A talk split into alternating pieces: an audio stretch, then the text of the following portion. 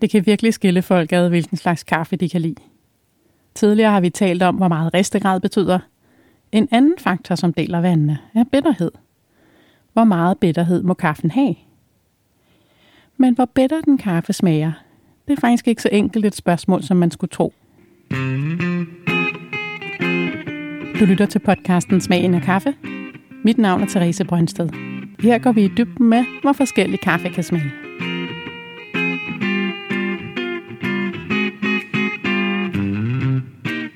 Når man læser om grundsmagen bitterhed, og der skal gives eksempler på ting, der smager bittert, så nævnes mørk chokolade, øl, grapefrugt, gin og tonic og kaffe. Sjovt nok, for man kan jo godt lave kaffe, som ikke er bittert. Men der, hvor det bliver rigtig kompliceret, er, at vi ikke opfatter bitterhed ens. Man har fundet 670 forskellige stoffer, som smager bittert i skrivende stund. Da jeg læste op på det for nogle år siden, hed det 550 stoffer. Nu er det altså 670. Så bitterhed er ikke så simpelt som den salte smag. Rigtig mange forskellige stoffer smager bittert. Men ikke alle mennesker kan smage dem. Der findes bitterstoffer, som er voldsomt bitre for nogen, men smagsløse for andre. Det er fordi vi mennesker har 25 forskellige slags receptorer i munden til at smage bittert. Receptorer er ligesom nøgle i lås. Når der kommer et kemisk molekyle ind i munden, som passer til receptoren, så går der et signal op til hjernen. Pling, her er noget, som smager bittert. Men ikke alle mennesker har alle 25 receptorer. Det er genetisk bestemt. Derfor kan nogle bitterstoffer være smagsløse, afhængig af hvem man er. Og så er der forskel på bitterstoffer. Nogle bitterstoffer binder kun til én slags receptor, mens andre binder til ni slags. De bitterstoffer, som kun binder til én slags receptor. Ja, hvis man ikke har den receptor, så kan man ikke smage dem. Et af de bitterstoffer, som kun binder til én receptor, findes i broccoli. Kun 25 procent af befolkningen kan smage det. Så her ligger årsagen til, at nogen bare hader broccoli. For dem smager det voldsomt bittert. Og sådan er det også med andre grøntsager.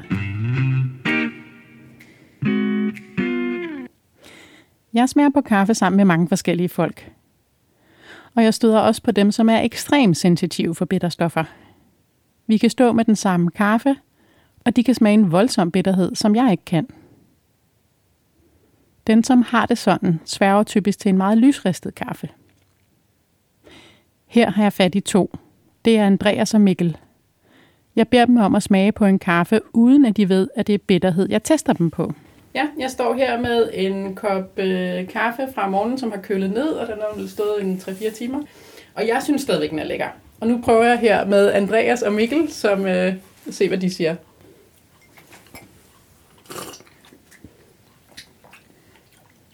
Ja. Kan I gætte, hvad det er for en øh, bønne? Jeg vil, Eller land? jeg vil eller? gætte på noget Kenya, Det er korrekt. øh, men jeg synes, der er sådan en solbær smag, jeg får lige i starten. Øhm, men så får jeg en ret voldsom bitterhed ret kort tid efter, Ja, den, øh, som øh, tænder mig rimelig meget af på den. Ja, den fik jeg med det samme. Ja. Ja. og det var faktisk grunden til, at jeg Ja. ja. interviewede om det, for jeg lavede et afsnit om bitterhed. Ja. Ja. Og jeg synes også, den har bitterhed, men den vælter mig ikke om kul, så jeg kan Mm. stadigvæk synes, den er Det er lækker. Men jeg har prøvet før at servere sådan en for dig, og du bliver bare, den, den Ja. ja. overskygger Ja, alt. Og der er et eller andet bitterstof i det, som virker kraftigere ja. på jer, end Ja. ja. det gør på mig. Øh, Jamen, jeg får det på spidsen af min tunge, nemlig så. Du får det på Ah, spidsen derude, af det er derfor, du får det først. Ah. Ja, jeg får det bagpå. Ja. Ja, fordi Ja. ja. normalt så siger man bitterhed bag. Ej, hvor Ja. ja. sjovt, du får det på spidsen af Ah. tungen. Jeg har før prøvet nedkølet kaffe på Andreas. Han siger det helt generelt, at når kaffen har stået noget tid, kommer der en bitterhed frem, som er voldsom for hans smagsløg. Uanset hvor god kaffen var til start. Jeg kan nu heller ikke lide tydelig bitterhed i kaffe. Hvis der er en kraftig bitterhed i en kaffe, får jeg trang til at dulme det med mælk og sukker. Men bitterhed er ikke altid en dårlig ting. Der er faktisk tidspunkter, hvor jeg ligefrem gerne vil have bitterhed i kaffen. Til lavkager og flødeskumskager synes jeg, en tydelig bitterhed giver et godt modtræk. Jeg synes, det er for overvældende med alt det søde og fede. Mens hvis jeg drikker en lysristet kaffe til flødeskumskager, er de spændende smage i kaffen væk. De er svært ved at trænge igennem. Så hver ting til sin tid. Der er også dem, der er dårlige til at smage bittert. Det hænger sammen med, hvordan man genetisk er sat sammen. Men det forklarer ikke det hele. Flere ting påvirker. Det mad, man plejer at spise. Endda hvad man spiste som barn, da ens smagsløg blev udviklet. Og så rygning. Rygning kan nedsætte evnen til at smage bitterhed. Så den gamle kombination med smøger og sort kaffe hænger meget godt sammen. Og selvom det er mange år siden, man har røget, kan man stadigvæk være dårligere til at smage bitterhed. Selvom jeg ikke er lige så bittersensitiv som Andreas og Mikkel, så er jeg sådan nogenlunde god til at smage bitterhed. Det ved jeg fra min chance i kaffedommerpanelet, hvor vi også bliver testet i det. Men der var en gang, hvor jeg havde svært ved at smage bitterhed. I smagspanelet starter vi altid med at blive kalibreret. Der er små bærer med lave koncentrationer af sødt, surt og bittert. Den dag synes jeg ikke, jeg kunne smage noget i den bitre. Jeg spurgte de andre, om de også syntes, den var sværere end normalt. Nej, de synes faktisk, den var kraftigere end normalt. Jeg ved ikke, om det var noget, jeg havde spist, men vores smagsevne er ikke den samme altid. Alt muligt påvirker. En gang var der nogle kinesiske pinjekerner på markedet, som gjorde, at folk mistede smagssansen i et par uger. Men så kom den igen. I mit tilfælde var det dog ikke så galt. Da vi gik i gang med at smage på kaffe, kunne jeg først ikke smage bittert, men det kom hen ad vejen. Ligesom om, at kaffen rensede det, som sad og blokerede i min smagsløg. Nå, lad os se på, hvad der præcis gør kaffe bittert. Det er mange forskellige kemiske stoffer, og der er forsket i det. Men man har næppe reddet på det hele. Som jeg nævnte tidligere, bliver man ved med at opdage nye stoffer, som smager bittert. Og der er så utrolig mange stoffer i kaffe. Og kaffe er så forskelligt. Forskning er en langsommelig proces, analyser er dyre. Men man har dog kortlagt en del indtil videre. De fleste bitterstoffer i kaffe dannes i løbet af ristningen af forskellige veje. Kaffe indeholder et stof, der hedder klorogensyre, og ret meget. Til en start er der 8% i de grønne bønner. Den nedbrydes gradvist under ristningen. Jo mørkere ristegrad, jo mindre er der tilbage af den. Klogensyre har en svag bitter smag, men til gengæld nedbrydes det til nogle stoffer, som smager kraftigt bittert. Men der er også andre processer på spil. Maillard-reaktionerne. Den samme proces sker også i brød og stegt kød. Det er komplekse processer, som danner nogle gode smage og farve ud af sukkerstoffer og aminosyre. Og her kan også dannes bitterstoffer.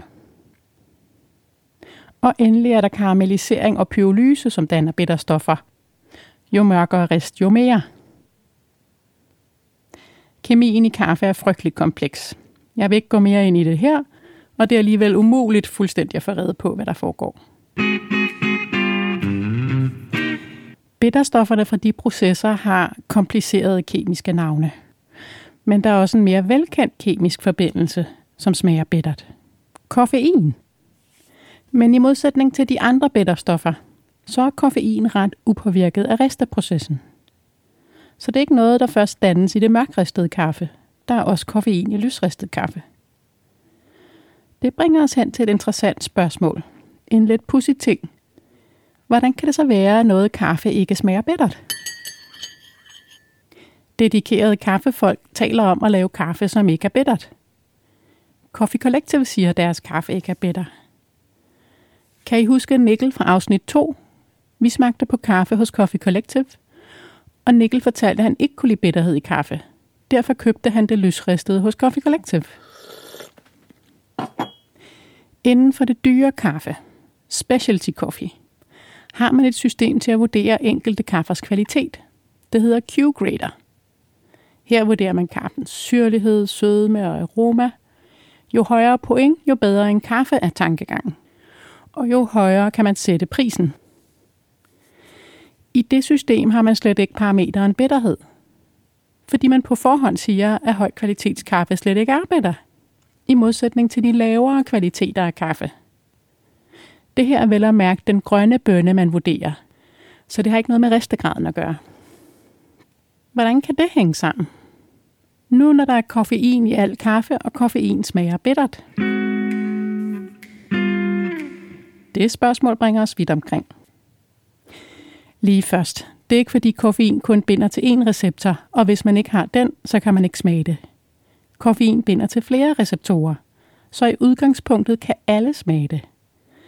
Der er så bare altid forskel på folk, hvor meget der skal til, før man synes, det smager bittert. Næste punkt på listen. Koffein er ikke så stor en del af bitterheden i kaffe. Det er der også forsket i. Nogle steder siger de, at den bidrager med 10% af bitterheden, andre steder 15% af bitterheden. Men det afhænger jo af, hvor bitter kaffen er totalt set. Når jeg læser sådan nogle undersøgelser af kaffe, tænker jeg altid, præcis hvad for noget kaffe har de undersøgt. Det mest almindelige er jo mellem- og mørkristet kaffe, og her har risteprocessen dannet andre bitterstoffer. Her kigger vi jo på lysristet kaffe. Men det er ikke kun ristningen, som bestemmer, hvordan kaffen smager. Hvordan man brygger kaffen afgør også, hvor bitter kaffen bliver. Så hvor meget betyder ekstraktionen for koffein? Som vi har været inde på tidligere her i podcasten. Når man brygger kaffe, gælder det om at udtrække alt det gode, men stoppe, før man har ekstraheret alle stoffer, fordi det sidste smager grimt og bittert. Aha, bittert. Når du det sidste, der udtrækkes fra kaffen, er bittert, kan den rigtige ekstraktion så undgå at få koffein med. Google, google. Nu er koffeinindholdet ikke noget, man laver på køkkenbordet, men noget, som bestemmes på et laboratorie. Og det er dyrt. Så det vælter ikke lige frem med undersøgelser af de her detaljer i den lille niche med lysristet kaffe. Men der findes mange undersøgelser af koffein i mainstream kaffe. Og det siger noget om, hvor meget indholdet svinger. Niveauet ligger sådan omkring 500 mg per liter. Der udtrækkes åbenbart mere koffein med filterkaffebrygning end med stempel. Filterkaffe er sådan lige over 500 mg, og stempel lige under. Det er gennemsnitstal. For det svinger ret meget inden for hver kategori. Filter svinger fra 500 til 770 mg, mens stempel ligger lavere, fra 350 til 600 mg. Så de to brygmetoder overlapper. Men hvis man laver kogekaffe, altså smider kaffen i en gryde med vand og koger det, som i tyrkisk kaffe, så kan man få op til 1000 mg per liter. Nå ja, her er doseringen nok også højere. Man bruger mere kaffe i forhold til vand.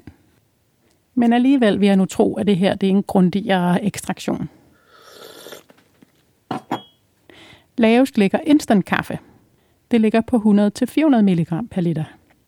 Her er vi så nede nær tærskelværdien for, hvornår man kan smage koffein. Det er sådan med alle stoffer, at der skal en vis mængde til, før det kan smages. Tærskelværdien for koffein er omkring 150 mg per liter. Det svinger fra 60 til 200 mg. Det er forskelligt fra person til person, hvor meget der skal til, før man kan smage det. Som jeg husker instant kaffe, så er det også meget mildt og på ingen måde kraftigt bittert. Så det passer meget godt. Men tilbage til filterbryg og stempelkaffe. Koffeinniveauet på omkring de 500 mg er i hvert fald pænt over tærskelværdien på 150 mg per liter.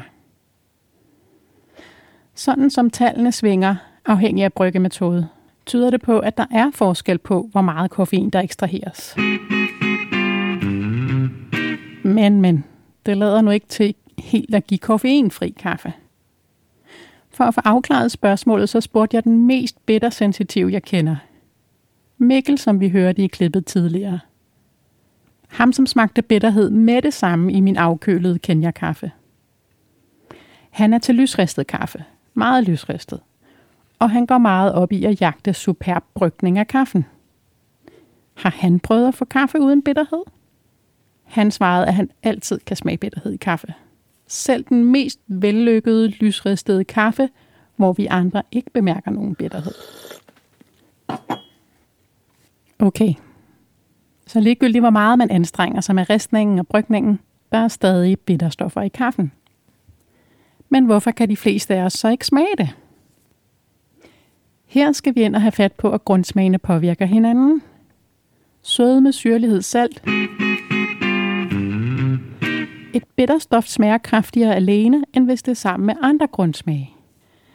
Den virkning får man også ved at tilsætte sukker til kaffen. Det dæmper bitterheden. Sjovt nok kan man også dæmpe bitterheden ved at tilsætte salt. Altså bare et lille nip salt. Man skal ikke bruge lige så meget som sukker. Prøv næste gang, du har en kaffe, som smager meget bittert. Se, hvad et nip salt gør ved smagen. Tilbage til lysristet kaffe. Her er der ofte meget syrlighed og sødme. De kan så overdøve den bitterhed, som koffeinen giver. Apropos syrlighed i kaffen. Jeg boede engang hos en gammel dame i Australien. Hun havde et citrontræ i haven. Det gav rigelige citroner. Og hvad skulle hun bruge alle dem til? Hun brugte dem i kaffen. En skive citron i hendes kaffekop. Det har sikkert dæmpet bitterheden, og så må det også have tilført noget citronaroma fra skallen. Før nævnte jeg, at for nogen smager broccoli kraftigt bittert. Tricket til at få broccoli til at glide ned hos dem skulle også være det her med at tilsætte andre grundsmage. Salt, citronsaft og endda lidt sukker. For at dæmpe bitterheden. Jeg kan rigtig godt lide broccoli. Men kun når det er sådan lynstegt blancheret. Ikke i rå form eller udkogt. Jeg måtte lige smage på noget rå broccoli for at undersøge sagen. Først var der ikke rigtig nogen smag, men så kom bitterheden snigende. Det er ikke fordi den er voldsom, men jeg kan virkelig ikke lide den. Og den blev hængende. Den er skarp og står alene. Der kommer noget andet frem, når jeg tilbereder broccoli. Vokstejer den. Der udvikles noget sødme og gode aromaer, og jeg tilsætter altid salt. Men det er jo også meget muligt, at bitterstoffet nedbrydes af varmen. Nogle bitterstoffer kan dannes under opvarmning, mens andre kan nedbrydes af varme. Nu har vi allerede været inde på nogle af de ting, man kan gøre, hvis man synes, der er for høj bitterhed, om det så er i kaffe eller broccoli. Så det er rigtig nyttigt at kunne sige noget om, hvorfor noget ikke smager godt. Men for nogen er det slet ikke så nemt at konstatere, om der er tale om bitterhed. Eller måske nemt nok, når der er tale om kraftig bitterhed alene, men sværere, når der er tale om en mindre bitterhed i blanding med alle mulige andre smage, som i kaffe.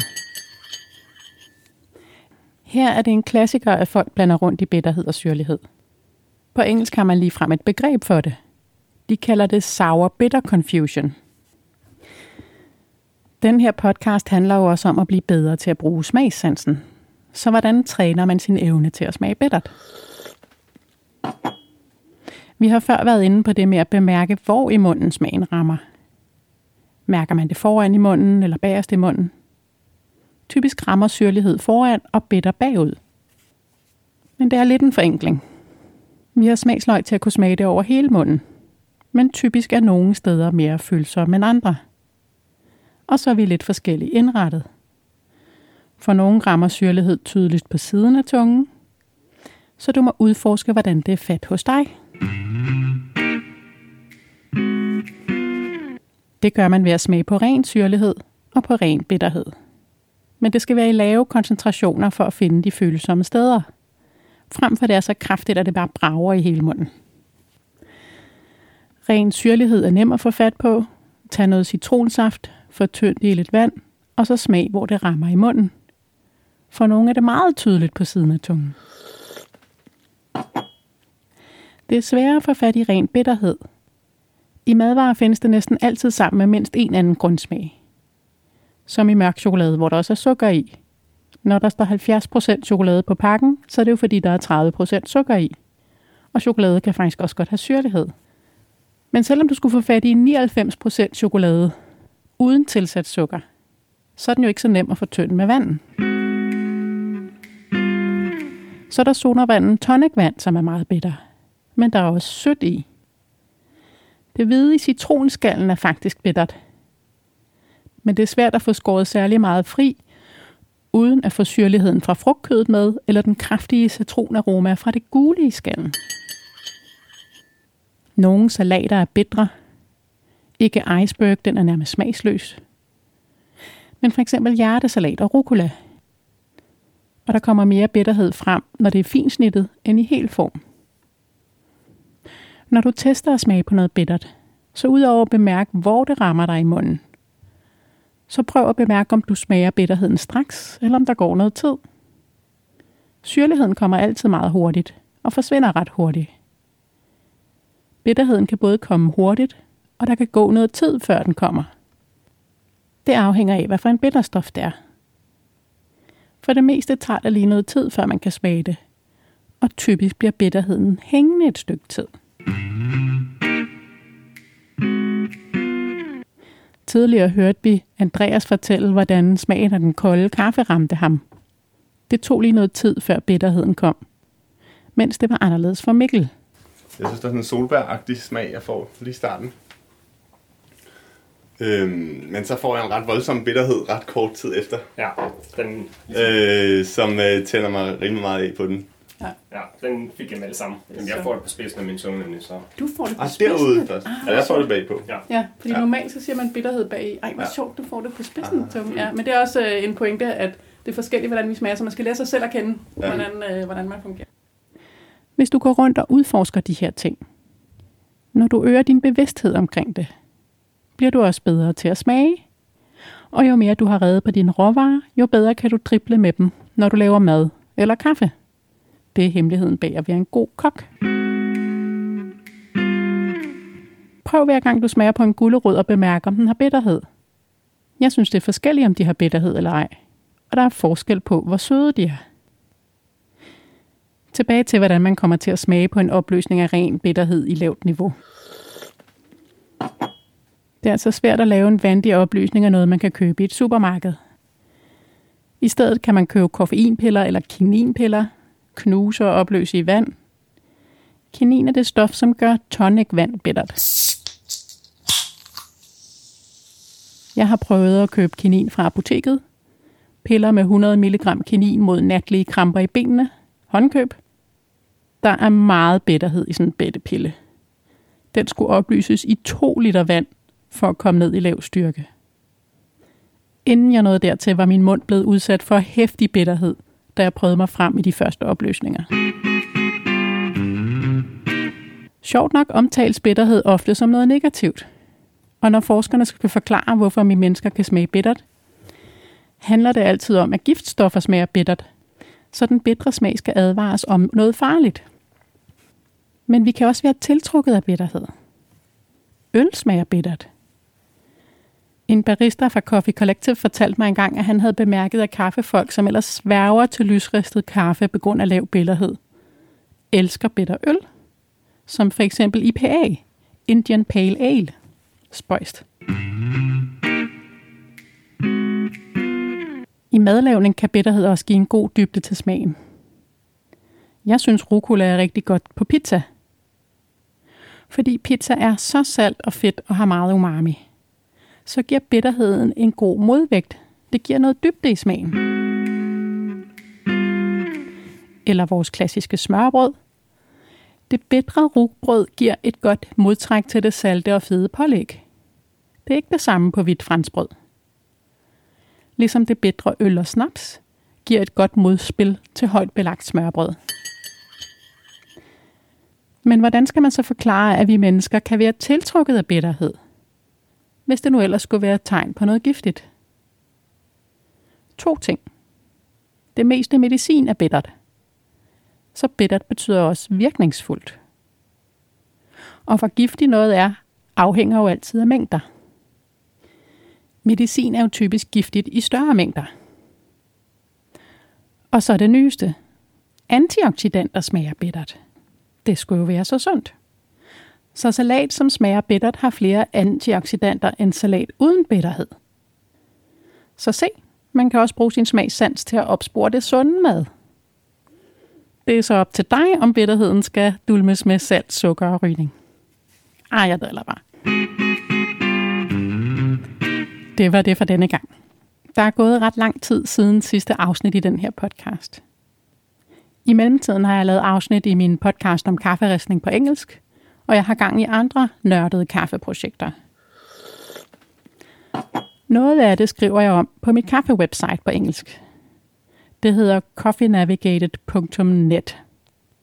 Her har jeg skrevet om mikroskopering af formalet kaffe, om smagssammenligninger af geisha-kaffer, som er blandt de dyreste kaffer i verden. Og jeg har lavet en liste over forskel på lysristet og mørkristet kaffe. Så hvis man er vant til altid at brygge mørkristet kaffe og vil prøve lysristet kaffe, så er der flere ting, man skal gøre anderledes. Men selvom jeg nørder i dybden med de her ting, har jeg ikke droppet ind imellem at lave et afsnit til den her podcast.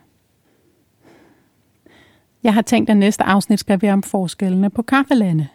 Hvad forskel gør det, om kaffen kommer fra Colombia, Kenya eller Etiopien? Mit navn er Therese Brøndsted. Nogle drikker kaffe for at klare sig gennem dagen. Andre klarer sig gennem dagen for at drikke god kaffe.